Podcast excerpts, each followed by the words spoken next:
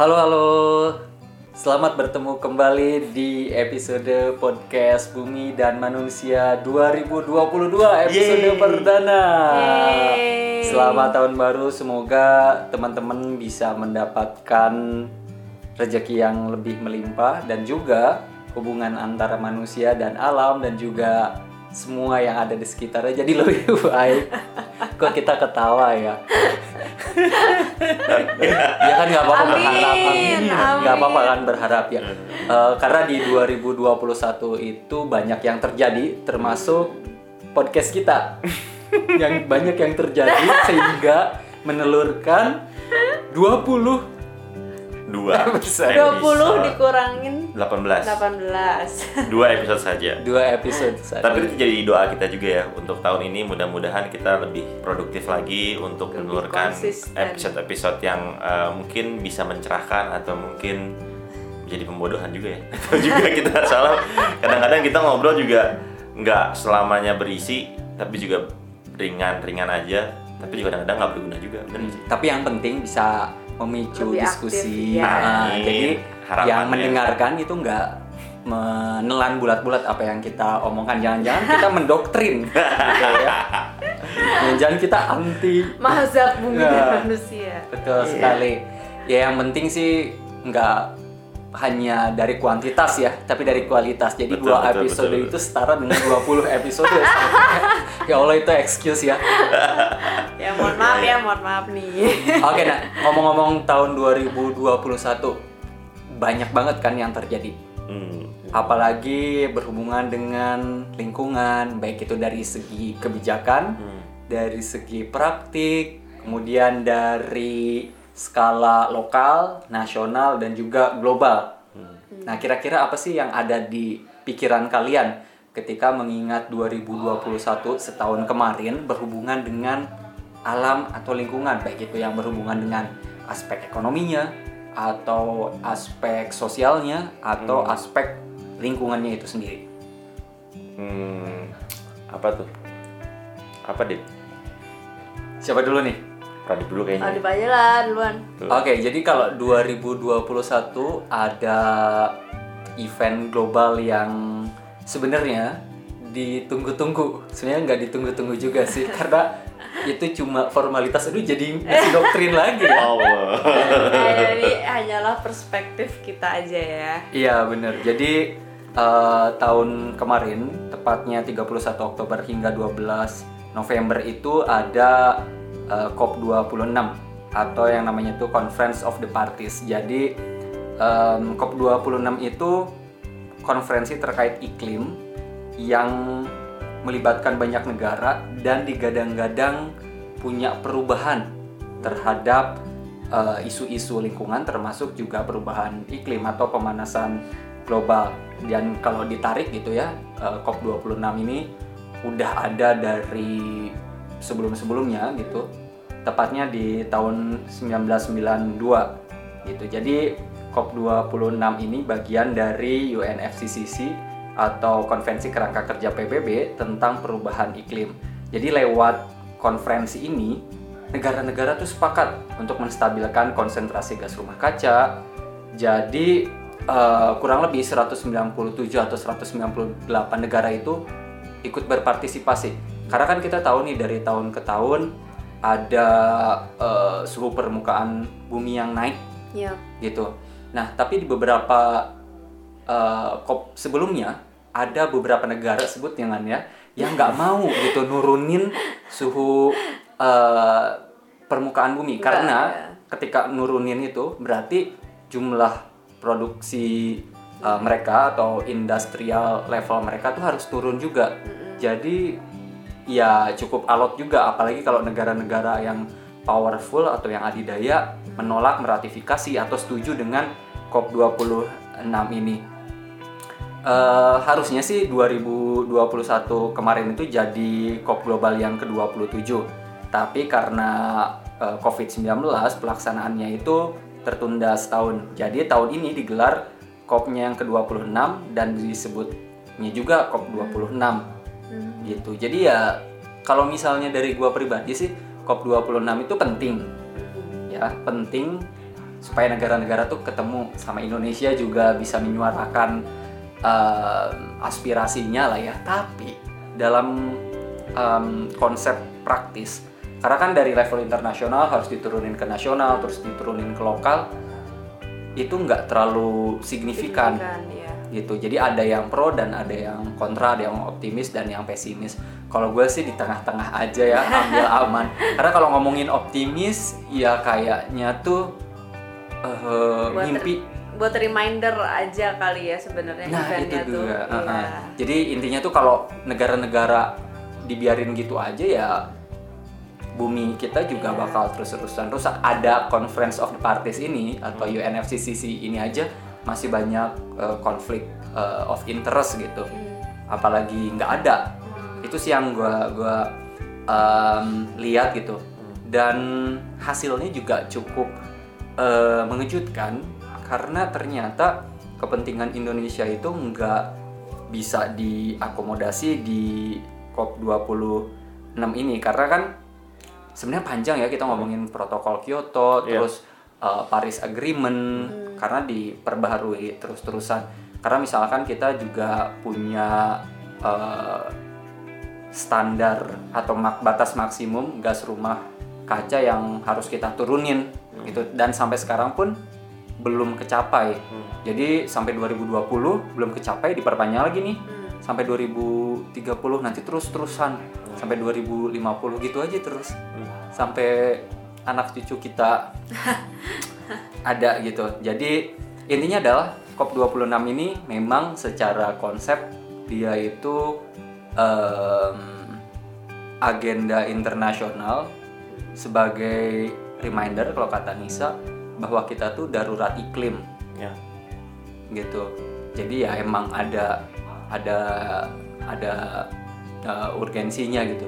Cuma ya dalam skala yang lokal sebenarnya misalkan ya ada yang mengkritik kalau Conference of the Parties ini dia nyedot energinya banyak banget gitu. Terus udah gitu katanya nih ya kalau kata temen yang emang ikut ke sana jadi di sana itu si tanaman-tanaman yang jadi dekorasinya itu tanaman plastik. Gak tahu itu pertanda baik atau tanda buruk ya.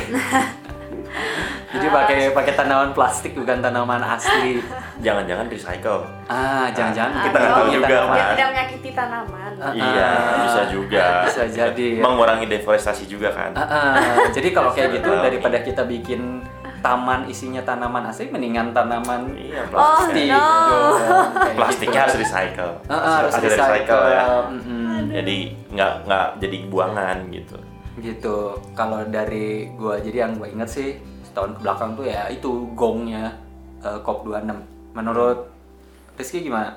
Iya, eh, sebenarnya masih nyambung dengan COP26 juga sih. Cuma pada saat itu mungkin setelah eh, Presiden Jokowi kemudian menandatangani agreement ya waktu itu, terus sehari setelahnya atau beberapa beberapa setelahnya lah gitu, kemudian ada respon yang menarik dari eh, Kementerian KLHK ya, Menteri KLH kita gitu, yang membuat statement bahwa eh, pembangunan yang sedang berlangsung secara besar-besaran di era Presiden Jokowi ini tidak boleh berhenti atas nama emisi karbon atau atas nama deforestasi ya kan? Ini kemudian jadi viral kan di Twitter terus direspon oleh berbagai macam pihak gitu. Nah kalau gue sih melihat ini sebagai sesuatu hal eh, yang menarik untuk kemudian kita lihat dari dua sudut pandang. Satu sisi kita juga sebagai orang eh, lingkungan gitu berbicara tentang konservasi eh, kita juga harus bercermin. Kadang-kadang eh, praktek konservasi yang ada di negara kita ini eh, tidak jarang juga mengaliniasi masyarakat masyarakat lokal yang akhirnya juga kemudian mengubur harapan masyarakat lokal ini untuk eh, berkembang secara ekonomi gitu kan ya kita juga tidak bisa pungkiri bahwa masyarakat masyarakat kecil ini sebenarnya butuh dukungan uh, support dari pemerintah uh, dan mereka pun punya impian untuk mungkin menjadi orang seperti uh, orang-orang kota pada umumnya gitu. Nah kalau kita berbicara uh, masyarakat lokal tuh harus kemudian be- begitu adanya tidak boleh berubah dan segala macam itu egois nggak sih Mm-mm. menurut kita ya kan? Nah di poin itu mungkin yang Ibu Siti Nurbaya ini maksudkan awalnya ya gitu ya, wala, iya ya kita benar. Iya, iya.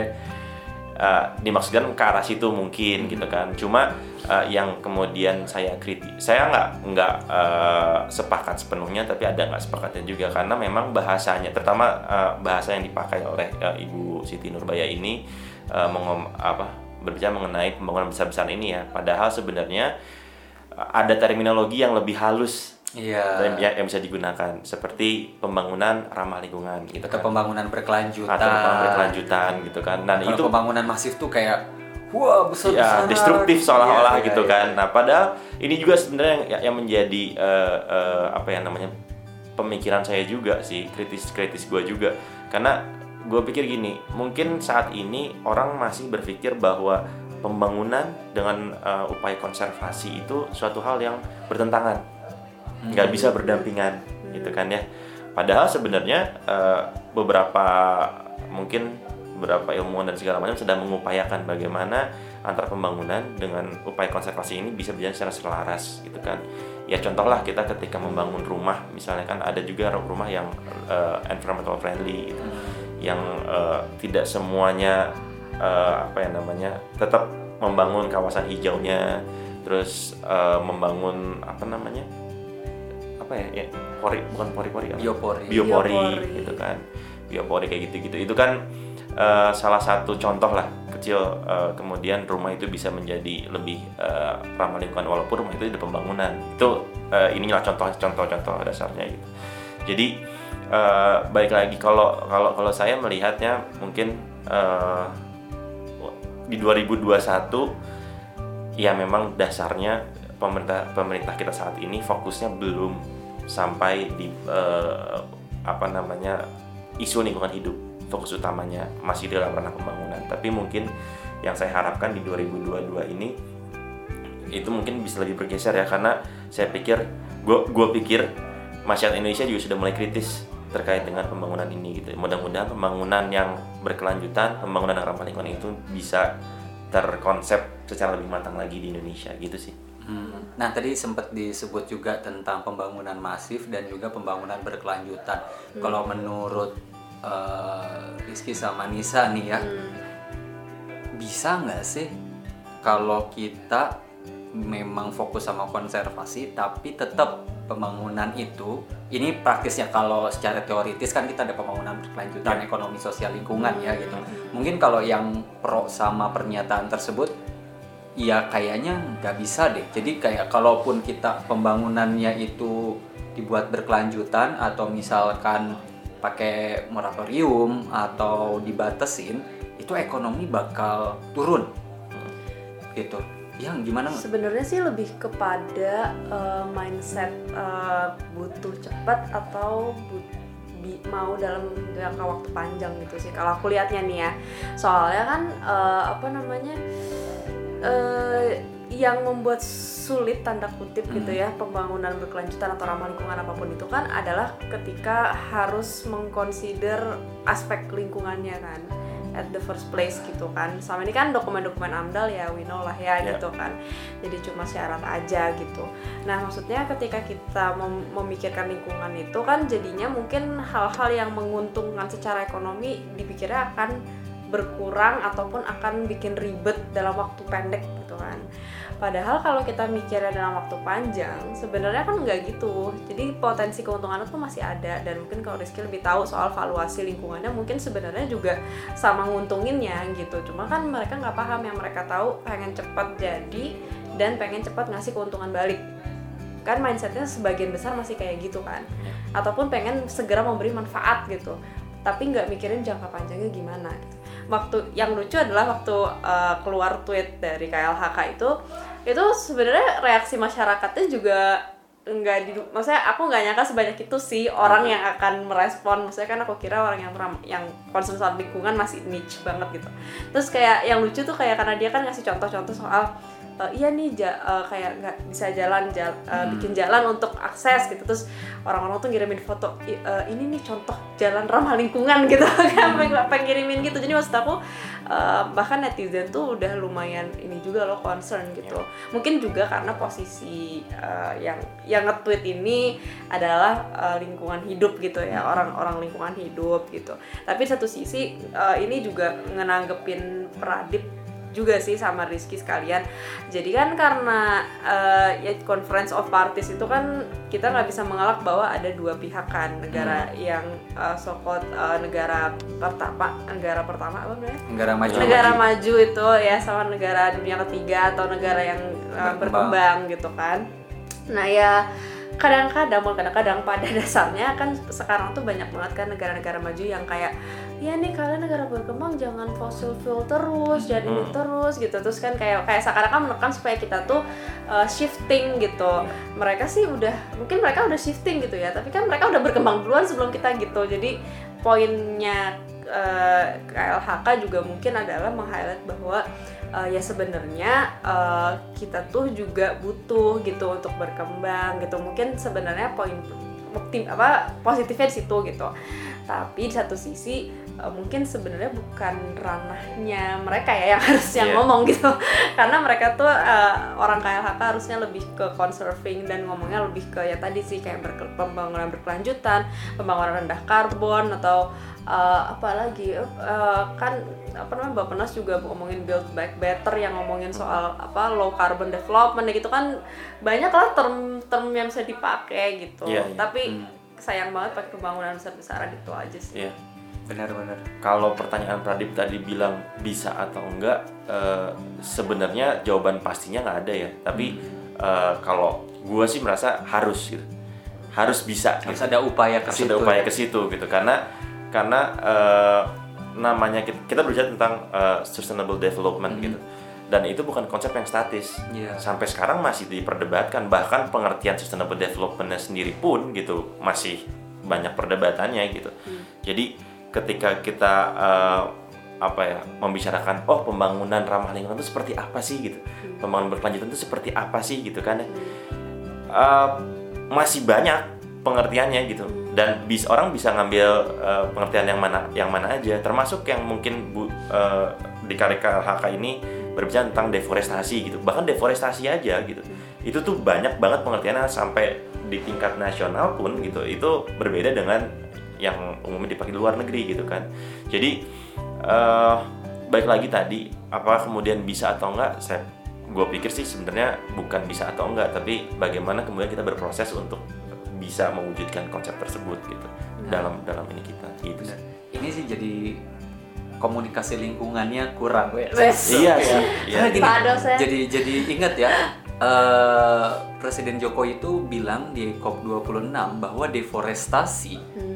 Tahun 2020 itu selama 20 tahun ke belakang itu menurun sangat-sangat signifikan bahkan terendah.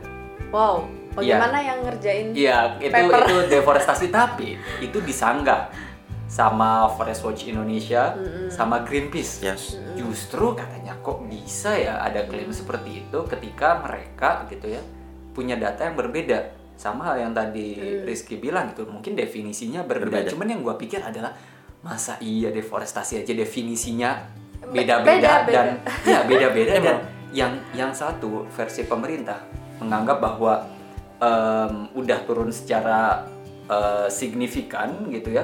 Tapi kalau dari LSM lain gitu nggak nggak nggak nggak menurun bahkan meningkat gitu. Bahkan di periode pertama Jokowi aja Hmm. deforestasi meningkat gitu tapi kalau dari KLHK datanya eh, deforestasinya eh, berhasil diturunkan sebesar 75,03 persen dari sebesar 462,46 ribu hektar itu jadi 115 ribu anggap dari 400 ribu jadi 115 ribu itu kan jauh banget ya Iya. bener dari nggak? 2018 2019 ya Ah, ah. Itu bahkan dari 2018-19 jadi ke 2019 ke 2020 tuh turun banget. Tapi kalau data-data dari eh, pihak lain justru nggak nggak seperti itu gitu. Nah kalau dari sini kan masyarakat juga bingung ya sebenarnya mau percaya siapa Terus eh, deforestasi itu definisi yang harus dipakai itu apa gitu. Ini kan dari sini aja komunikasi lingkungannya kalau menurut gua gitu ya eh, nggak bisa atau belum mencapai tahapan untuk ngasih informasi yang valuable buat masyarakat. Itu data kayak karena gitu. di dalam kementerian-kementeriannya sendiri masih pada eh, belum sepakat gitu loh Mm-mm. nggak punya satu mindset tentang definisi itu jadi makanya ketika keluar informasi jadi beda-beda ya nggak sih Tapi memang itu tantangannya sih. Itu baik lagi tadi ketika kita bicara tentang ilmu pengetahuan, ilmu pengetahuan itu nggak ada yang statis gitu. Bahkan tadi soal definisi gitu, definisi pun bisa berbeda-beda gitu kan.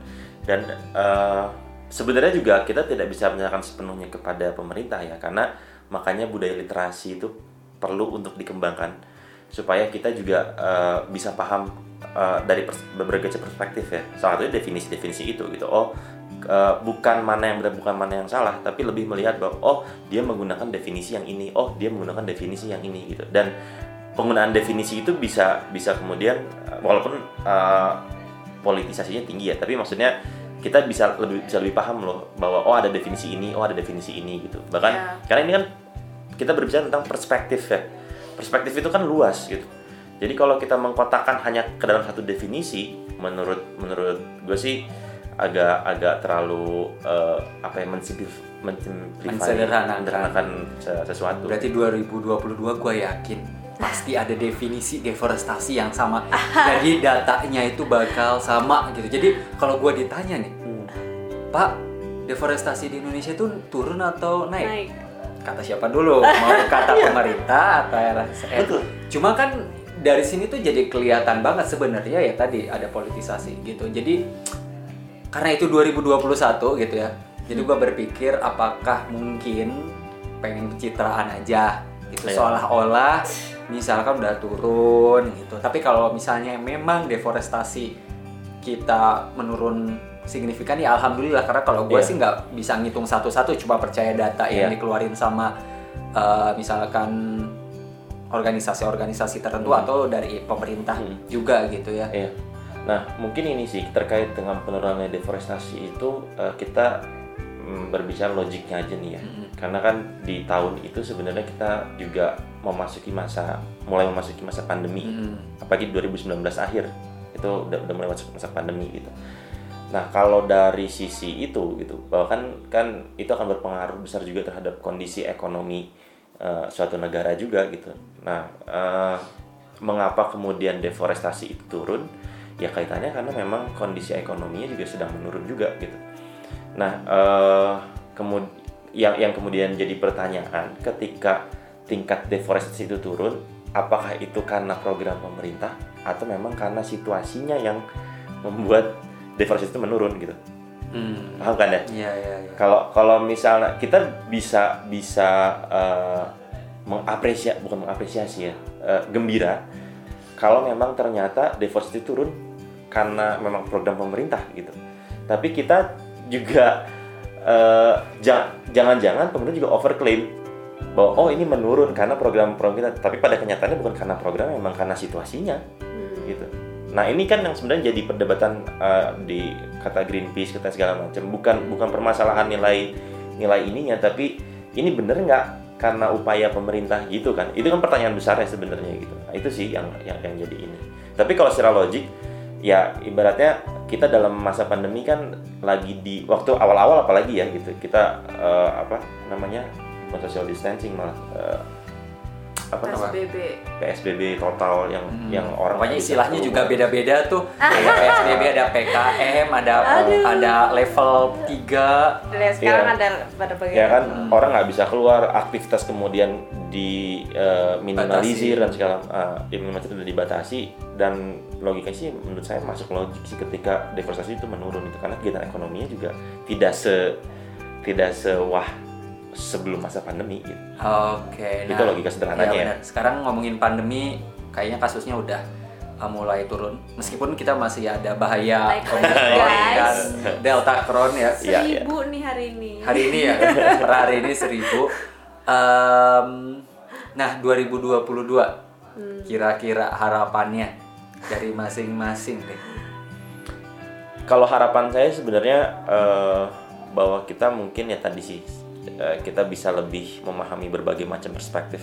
Jadi eh, berbicara tentang lingkungan hidup sendiri sebenarnya mungkin nggak akan banyak berubah ya dari tahun-tahun sebelumnya gitu. Tapi yang saya harapkan ya kita ini mungkin sebagai para pemuda-pemuda, pemuda-pemudi penerus bangsa ini agar kemudian bisa membuka wawasan kita secara lebih luas. Itu aja sih. Pertama dalam konteks lingkungan hidup ya. Pemuda-pemudi berarti gua nggak termasuk ya. dia. Oh nggak sih dong, kita kan masih 18 tahun di. 17. Ah itu kan 17. Astagfirullahaladzim. Oke. Kalau dari Nisa gimana?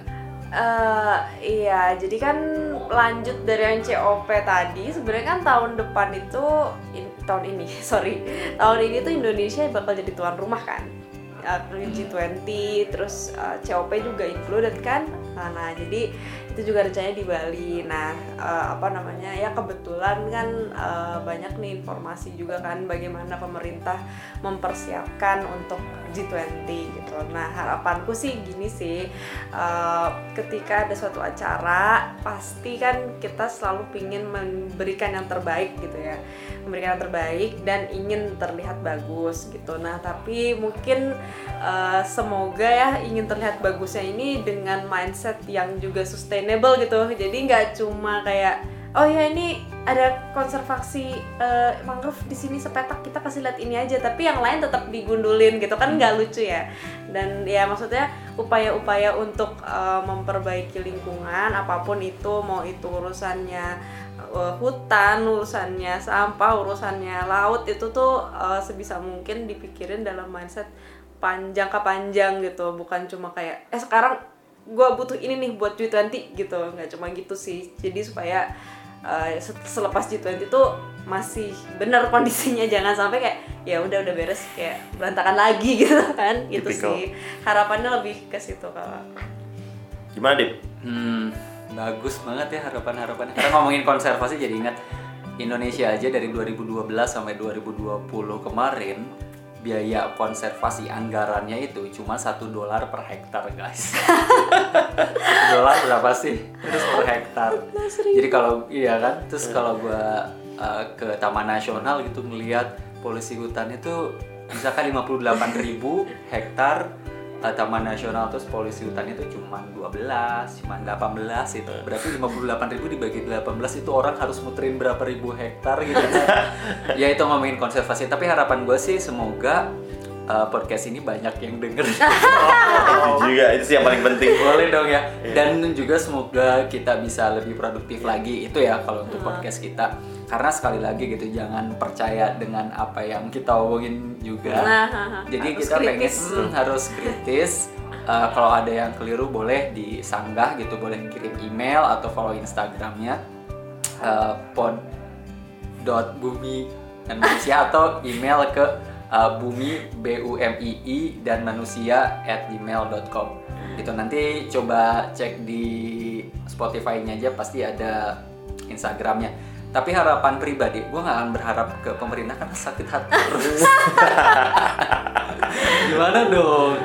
Gimana kan kalau banyak berharap ya ekspektasi tinggi ya. Maksud gue tuh kayak oke lah pemerintah ya kita berharap bla bla bla bla. Cuman gue kayak ya udahlah nggak nggak terlalu banyak berharap. Tapi gue berharap sama eh, tadi yang eh, Rizky bilang yang eh, Nisa bilang juga gitu bagaimana kita mempraktikkan dalam kehidupan sehari-hari tentang ramah lingkungan. Karena menurut gua gerakan akar rumput itu yang paling eh, signifikan menurut gua ya. Karena mau kebijakannya jelek mau kebijakannya bagus tapi kalau akar rumputnya itu masih belum aware masih belum sadar atau masih belum paham. Meskipun ini tugas pemerintah cuman Iya. kalau nungguin pemerintah tuh Kapan? kapan gitu ya masih ngomongin definisi gitu kan segala macem. Terus udah gitu banyak eh, tantangan tantangan tantangannya lah. Korupsi lah bla bla bla. Jadi berharapnya sama generasi generasi muda nih khususnya generasi generasi sekarang generasi Z atau misalkan generasi eh, Alpha atau generasi post Z gitu. Jadi jangan sampai di TikTok itu ngikutinnya yang joget-joget doang. Nah itu juga nggak apa-apa tapi gue pernah ngeliat ada beberapa eh, influencer gitu ya dia joget-joget tapi dia ngasih data-data tentang lingkungan, terus tentang perubahan iklim segala macam. Karena mungkin kalau kita yang joget-joget itu cringe banget. Kayak Gak ada yang nonton juga. Nah itu dia. Nah, jadi eh, harapan gue sih tahun depan semoga lebih banyak komunitas, lebih banyak lagi anak muda yang mau berpartisipasi, mau terlibat eh, dalam diskusi-diskusi seperti ini. Jadi biar gaungnya tuh kedengeran gitu. Nggak di tataran teoritis aja nggak di tataran normatif tapi juga di praktiknya. Dan gue sangat menghargai sekali gitu usaha-usaha yang memang kecil banget. Mulai dari goes Wih, goes kesebut ya. Atau misalkan eh, daur ulang gitu. Misahin sampah itu kan hal yang sepele tapi tantangannya tuh berat banget gitu. Nah mudah-mudahan di tahun 2022 itu juga bisa kelihatan dan kita juga bisa collab sama mereka ya itu Amin. terus nggak apa-apa dong ya nggak apa-apa Harapan, harapan. Ah, gitu ada lagi nggak kira-kira 2022 Cukup sih. Udah sih, iya. Udah. Ya, mudah-mudahan ya Hmm. Uh, karena gini intinya adalah mau tahun berapapun itu 2022 2025 Tiga. uh, kita pasti bakal terus dal in a way merusak lingkungan Ya. karena kita mengkonsumsi dari lingkungan dan memang disediakan untuk uh, kita gitu ya Uh, tapi jangan sampai kita yang eksploitatif banget Over. Mm. terus juga uh, nggak melihat dampaknya secara jangka panjang Hmm. karena kalau tujuan pembangunan berkelanjut kan ada yang namanya no one left behind Hmm. terus ada fokus sama future generation gitu nah itu yang pengen kita uh, tanamkan nggak di level global aja nggak jadi jargon gitu ya tapi juga uh, praktiknya Iya. kalau tadi Rizky bilang ada masyarakat lokal masyarakat adat gitu yang memang udah dalam tanda kutip sustainable ya mungkin kita harus belajar dari mereka nggak usah tuh sebenarnya Hmm. COP COP yang Hmm. kita belajar aja dari masyarakat uh, Baduy, masyarakat Dayak misalkan ya. Cuman yang karena namanya juga modernisasi, ada negara maju, negara berkembang seperti yang tadi Hmm. bisa bilang. gitu. Jadi harapannya ya itu berharapnya sama orang sekitar aja jangan sama tut. Sama yang di atas. Nah itu selalu karena kalau sama manusia itu pasti kecewa. Iya. Nah, gitu. Sama yang di atas. Nah, Semoga pintu hati semoga di- sering dibukakan ya. ya, semoga kita juga lebih berkomitmen ya dalam Iya. Membuat podcast. membuat Semoga ini gak cuma pertama terus di akhir tahun baru bikin lagi. Aduh, ya. itu sebuah karena kita kesibukan di dunia nyata itu Iya. menyelamatkan lingkungan nggak ada ini ini bercanda nah karena ya ya itu kita juga masih berupaya lah ya gitu paling itu aja sampai jumpa lagi di episode selanjutnya jangan lupa untuk klik follow Subscribe. subscribe atau juga follow Instagramnya nanti kita juga mau launching website atau laman ya Oh wow, oke. Wow. Kira buku. Enggak ya? buku Buku apa ya? buku apa buku harian mungkin ya atau buku kekesalan Buku unek-unek. iya gitu jadi semoga kita bisa terus sehat di 2022 ini nanti kita ketemu lagi di episode selanjutnya Oke. oke Dah. sampai jumpa lagi Dadah. Bye-bye.